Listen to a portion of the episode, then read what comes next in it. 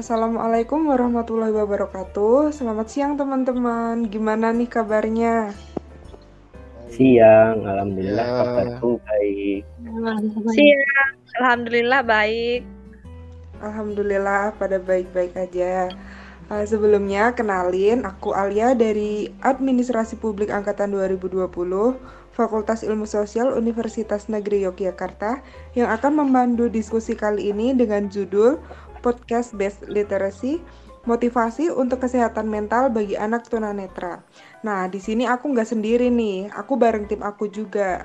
Halo teman-teman, boleh memperkenalkan diri ya? Halo teman-teman, perkenalkan nama aku, nama aku Hesti Nadia Pratiwi. Aku dari Prodi Pendidikan Sosiologi. Aku dari Universitas Negeri Yogyakarta. Asalku dari Palembang. Terima kasih. Terima kasih Mbak Nadia. Salam kenal.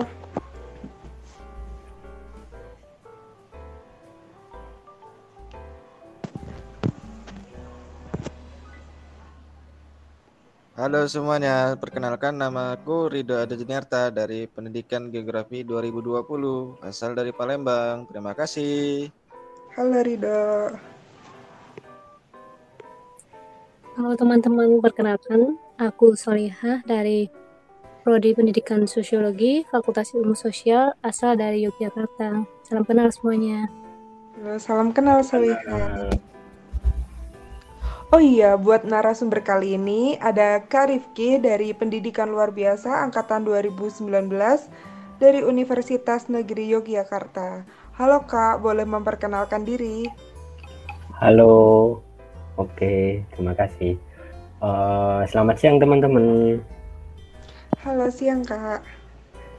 Iya, uh, perkenalkan namaku Muhammad Rifki Anuardi, asal dari Magelang, uh, lebih tepatnya di Payang, Kauman, Payaman, Kecamatan Secang, Kabupaten Magelang.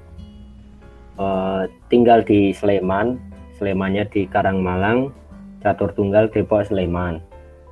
Uh, saat ini saya menempuh pendidikan S1 di Universitas Negeri Yogyakarta, Fakultas Ilmu Pendidikan dengan prodi pendidikan luar biasa. Terima kasih, salam kenal semuanya. Salam kenal, Kak. Wah, makasih teman-teman yang udah memperkenalkan diri. Oh iya, buat diskusi kali ini, kita mengangkat tiga tema ya. Yang pertama percaya diri, kedua kepemimpinan, dan yang ketiga kemandirian. Nah, buat mempersingkat waktu, kita langsung mulai aja ya diskusinya. Buat segmen yang pertama nih, tentang percaya diri. Menurut Kak Rifki, seberapa penting sih percaya diri itu dan gimana cara biar adik-adik itu bisa membentuk percaya diri mereka? Oke, terima kasih atas uh, apa ya pertanyaannya. Ini apa sih ya? Pertanyaan mudah tapi sulit untuk dijawab. Karena aku sendiri nggak tahu nih percaya diri atau enggak. Mesti percaya diri dong, kan udah sampai di tahap ini. Oh iya iya iya. tapi tetap masih ada minder-mindernya mungkin, mungkin tapi ya. ya uh, percaya diri. Kalau seberapa penting kita dari persenannya dulu. Uh, dari persenan itu 100% sangat penting. Karena apa?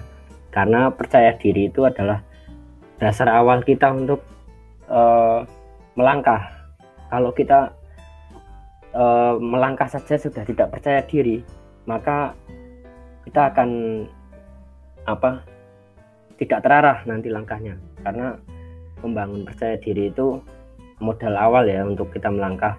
Kita mempercayai diri sendiri dengan kemampuan dan kelebihan yang kita miliki. Terus nanti kita tinggal mengarahkan uh, gimana langkah kita akan diarahkan ke depan? Mau mau jadi apa? Mau jadi seperti apa gitu? Terus uh, ada tiga trik. Oh, tiga trik atau tiga langkah untuk biar kita percaya diri. Yang pertama uh, adik-adik perlu melihat diri sendiri.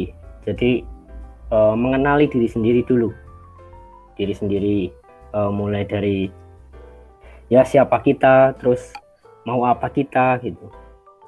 Terus uh, tujuan kita itu ngapa nanti ketika kita misalnya adik-adik pengen menjadi uh, dokter atau pengen menjadi guru yang bisa memberi ilmu kepada teman-teman semua um, memberi ilmu kepada orang lain.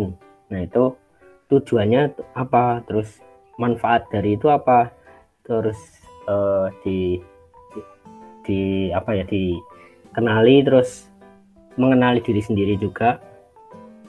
Uh, yang kedua kenali kelebihan kita.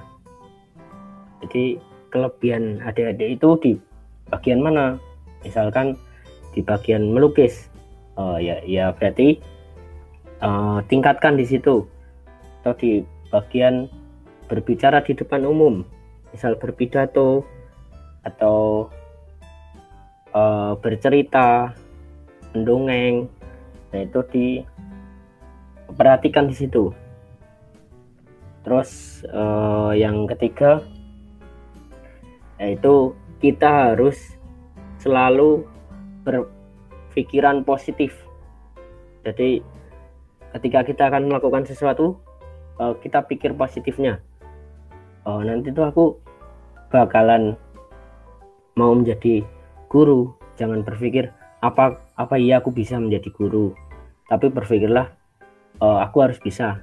Aku harus semangat karena itu udah menjadi tujuan hidupku. Itu yang jawaban yang bisa aku beri. Terima kasih. Wah keren nih jawabannya Kak Rifki. Oh iya Kak, misal nih kalau adik-adik kehilangan percaya dirinya, apa sih yang harus dilakuin biar percaya dirinya tuh tumbuh lagi? Oke, kehilangan percaya diri ya. Waduh, berat juga ini. kehilangan percaya diri itu kayak apa ya? Kehilangan semangat juga dalam menjalani hidup berarti ya. uh, ya yang pertama itu uh, harus ada dorongan motivasi ya. Dorongan motivasi dari entah nanti dari bapak dan ibu gurunya terus atau dari orang tuanya. Itu langkah pertama untuk uh, membentuk percaya diri yang hilang mungkin ya atau yang kurang kurang bisa dilakukan. Kok tidak percaya diri gitu uh, terus apa? Diarahkan diarahkan lagi tentang uh, langkah ke depan. Kan uh, SD itu apa ya dasar untuk kita menjajaki masa depan. Kalau misal SD kan biasanya uh, bercita-cita setinggi langit kan. Nah itu uh, itu bagus ya karena biar kepercayaan dirinya itu ada. Jadi ketika kita udah memiliki harapan yang tinggi itu harus dipupuk harus di apa beri motivasi diberi dorongan supaya tidak hilang kepercayaan dirinya. Terus uh, setelah diberi pengarahan uh, diberi juga hal-hal yang positif di uh, langkah-langkahnya. Misal dia kurang percaya diri dalam bidang apa melukis misal. Uh, atau kehilangan percaya diri dalam uh, bergaul di teman-teman ber, teman-teman bermainnya atau teman-teman belajarnya. Mungkin karena tidak bisa atau apa berilah uh, semangat apa ya dorongan kayak hal-hal positif kamu bisa uh, mengerjakan tugas-tugas mengerjakan uh, apa PR dari bapak ibu guru. Terus uh, harus bisa pokoknya uh, kalau teman bisa kamu harus lebih bisa lagi. Jadi berikan semangat semacam uh, kalau temannya bisa kita harus lebih bisa itu sih Wah, keren nih. Intinya kita harus bisa kalau orang lain bisa ya, Kak. Iya, Nah, terus apa nih dampaknya kalau kita tuh nggak percaya diri? eh, dampak apabila kita tidak percaya diri. Eh, yang pertama itu nanti kita eh, tidak akan bisa berkembang dalam eh, menggali apa yang kita tekuni. Misalkan eh, teman-teman ingin menekuni di bidang seni, tapi di situ udah nggak percaya diri dulu. Nah itu gimana mau berkembang? Nah, itu yang apa ya poin penting ya. Jadi kalau tidak percaya diri pasti eh, perkembangan yang akan kita tekuni itu terhambat. Terus yang kedua bisa sedikit temannya. Jadi teman-temannya lebih sedikit karena eh, kita udah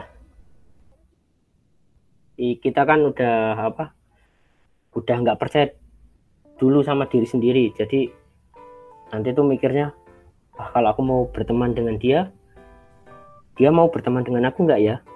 Nah di situ kepercayaan dirinya udah hilang kan? Nah eh, apa itu? Jadi di situ temannya akan jadi lebih sedikit. Terus eh ada juga jadi tidak bersemangat dalam menjalani eh, hidup ya. Jadi ada tiga itu gak semangat mau ngapa-ngapain itu kayak ah udah nggak percaya diri dulu jadi udah males nih mau kerjain PR tidak bisa ngerjain atau eh, tidak bisa berkembang ya gitu itu sih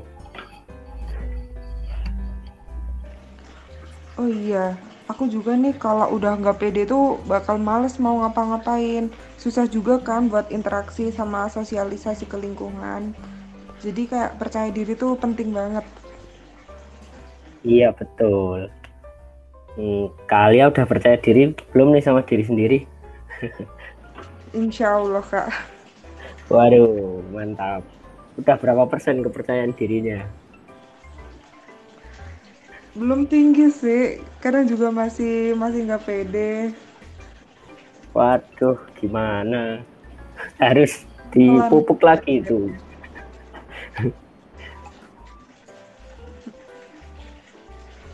Oh iya, eh, untuk segmen satu selesai di sini ya. Mungkin Mbak Nadia ada kata-kata lagi Mbak? Oke. Oh iya teman-teman, ini aku ada jargon nih buat teman-teman. Dengerin ya. ye ye jargon Tetap jaga kesehatan ya teman-teman. Walaupun pandemi gini, belajar online tetap semangat. Bisa, bisa, bisa. Luar biasa. Allahu Akbar Makasih Mbak. Oke. Oh iya, segmen satu sampai di sini aja ya. Assalamualaikum. See you teman-teman.